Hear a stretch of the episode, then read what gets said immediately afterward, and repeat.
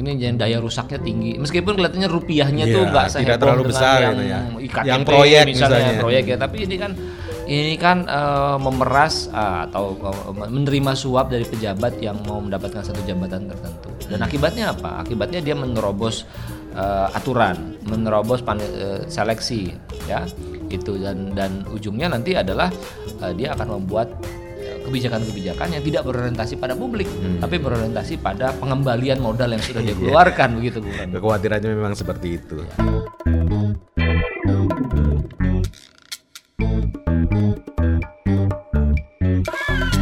Salam saudara Anda bersama Ngopi Bareng Azul. Arif Zulkifli pemimpin redaksi majalah Tempo. Kali ini kita akan berbincang tentang penuntasan perkara Romi ex Ketua Umum Partai Persatuan Pembangunan Roma Hurmuzi yang terjerat dugaan jual beli jabatan di Kementerian Agama.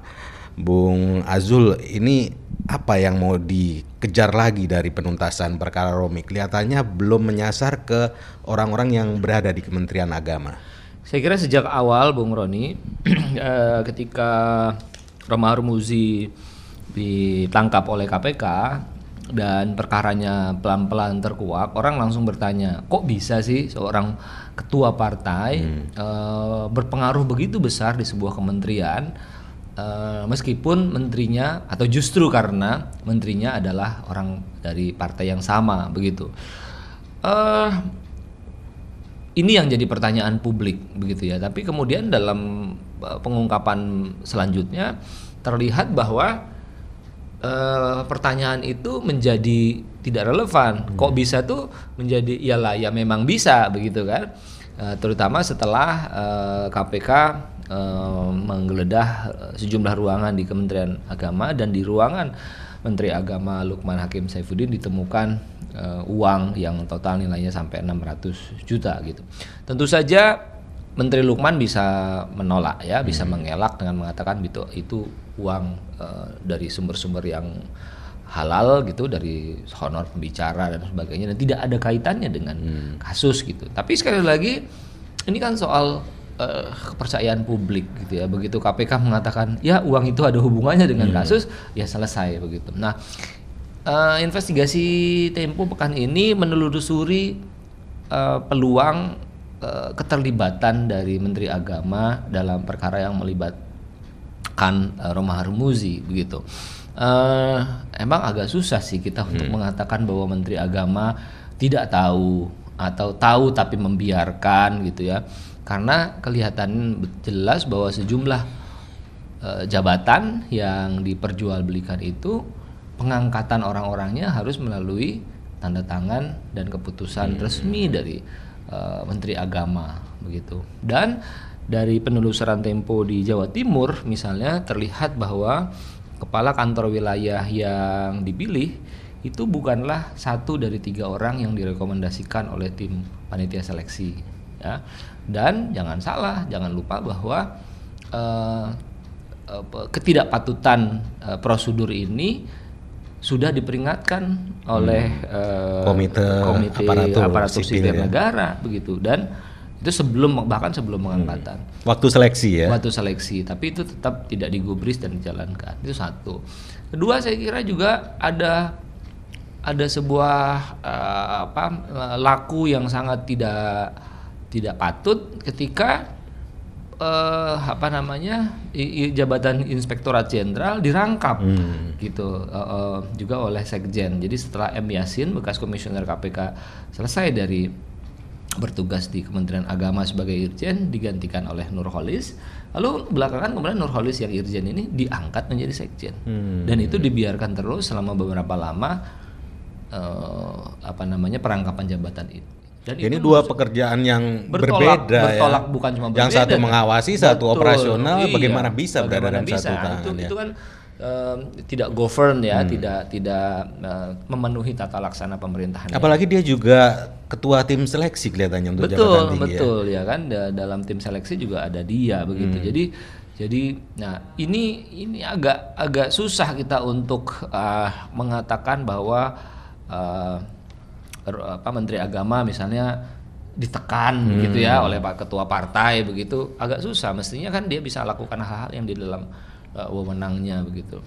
Apa ada kemungkinan ada dalam tanda kutip kaki tangan lain Romi di kementerian selain kadernya yang Menteri Agama ini? Pasti kalau lihat dari proses, proses yang terjadi kan uh, tampak bahwa ketua partai bisa masuk ke jajaran-jajaran yang lebih rendah dari hmm. di bawahnya Menteri Agama begitu ya. Jadi dia udah punya Nah ini memang ini memang saya kira uh, satu problem yang serius, apalagi kalau kita mau mengaitkan ini dengan pembiayaan partai hmm. gitu. Jadi seperti saya sudah pernah katakan uh, pembiayaan partai di kita itu kan sangat longgar ya dan akhirnya partai-partai yang punya saham di dalam pemerintahan karena dia mendukung pemerintah baik langsung maupun belakangan gitu itu uh, merasa bahwa mereka um, apa namanya perlu mengirimkan invoice lah kira-kira hmm. begitu ya.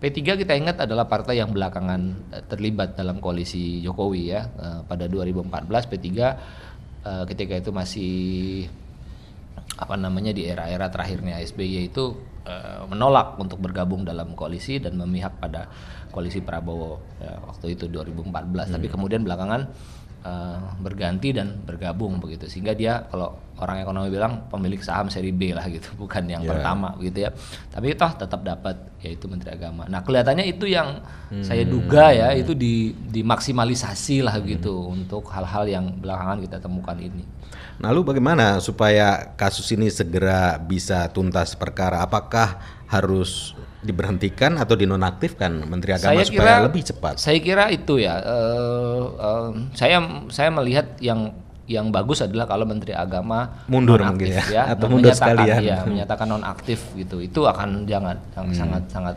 elegan begitu tapi kalau tidak menurut saya menurut saya sih harusnya uh, presiden yang mengambil hmm. mengambil inisiatif untuk menonaktifkan gitu ya nah kalau itu bisa jalan itu bagus sekali terutama untuk memberikan gestur uh, bagus dari presiden dan menteri agama untuk mendukung uh, apa namanya proses yang sedang dijalankan oleh KPK. Hmm. Tapi nanti kalau misalnya ke sana juga apakah tidak dianggap sebagai politisasi kasus oleh uh, masyarakat misalnya dari kubu sebelah gitu? Nah, kalau karena untuk menaikkan ininya saya kira enggak karena karena uh, apa pun ya kalau dia diam saja pun pasti akan di sekarang kan sudah diserang begitu ya hmm. sudah diserang tapi jadi menurut saya sih sekarang ini mestinya kita ngelihat persoalannya jadi dari perspektif yang lebih luas yaitu bagaimana pemerintahan uh, Jokowi yang tinggal setahun ini hmm. bisa bisa exit gitu bisa bisa selesai periode pertama ini dengan smooth begitu termasuk untuk membereskan hal-hal seperti ini karena harus kita ingat bahwa sejak awal pemerintahan ini ditekadkan pemerintahan Jokowi ini ditekadkan untuk bersih hmm. gitu tapi toh tetap ada kejadian-kejadian seperti ini banyak yang bilang kalau dibanding korupsi jenis lain korupsi jual beli jabatan ini sangat sangat berdampak sangat merusak dan berbahaya karena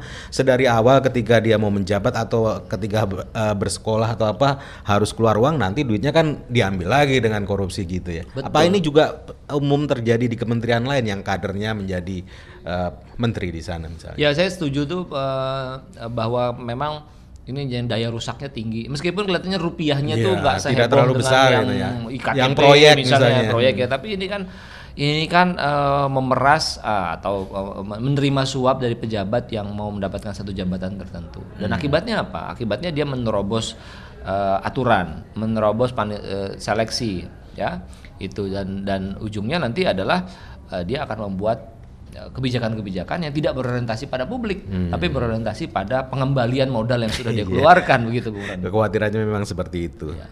Uh, secara formal ya, secara formal dalam organisasi di kementerian itu memang uh, irjen itu ditugaskan untuk itu. Hmm. Dia yang harus me melakukan pengawasan internal gitu. Kita ingat bahwa ada beberapa kasus yang uh, berhasil terbongkar itu karena peran dari inspektorat ya, begitu. Dan itu kalau dijalankan dengan bagus sebetulnya meringankan tugas lembaga seperti KPK, hmm. polisi, kejaksaan juga gitu karena mereka nggak harus uh, jadi ada pengawasan dari dalam gitu dan itu sudah dijalankan dengan bukan sekedar mengawasi apakah dia terima tamu yang akan ngasih suap Ya. aja, tapi prosedur-prosedurnya itu dibereskan di situ sebetulnya. Mekanisme di dalamnya mekanisme ya. di dalam itu gitu. Jadi itu yang sebetulnya ya, ke- kenapa dalam organisasi yang baik kedua lembaga itu mesti dipisah gitu.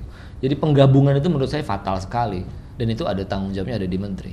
Dan itu berlangsung cukup lama ya kelihatannya dari Iya, iya. mungkin hampir setahun ya. Iya, Ketika jabatan eh, apa sekjen lowong tidak segera dicari ganti, tapi malah iya. digabung dalam satu orang. Selain itu juga saya kira ada persoalan politik ya memang ya ada persoalan politik di mana ki- kita menyebutnya itu ada semacam kayak hutang budi lah gitu, dari menteri kepada ketua P3 itu ada di dalam tempo minggu ini yang kita eh, gambarkan bagaimana eh, sebetulnya Romi dalam beberapa kesempatan itu menjadi benteng eh, dari menteri kan dari menteri Lukman ketika beberapa kali isu reshuffle itu terjadi. Dan juga jangan lupa eh, tudingan bahwa menteri agama tidak melakukan tugasnya untuk memendung demo 212 misalnya begitu. Nah, Romi lah yang menjelaskan itu kepada presiden bahwa dia dan menteri agama sudah bekerja dengan baik untuk eh, membendung itu ter- apa namanya demo itu membesar. Kira-kira begitu kan. Sehingga orang bisa menduga kemudian bahwa ada semacam balas uh, budi atau balas jasa lah misalnya begitu. Tapi saya nggak tahu persisnya uh, apakah itu ada kaitannya. Uh, nanti kita lihat dalam dalam penyidikan KPK ya nanti di persidangan kita di persidangan akan melihat kita apakah melihat, benar ada hubungannya dengan itu. Betul. Baik, itu tadi saudara perbincangan kita ngopi bareng Azul Arif Zulkifli, pemimpin redaksi majalah Tempo. Saya Roni Sitanggang, kita jumpa lagi di lain kesempatan. Salam.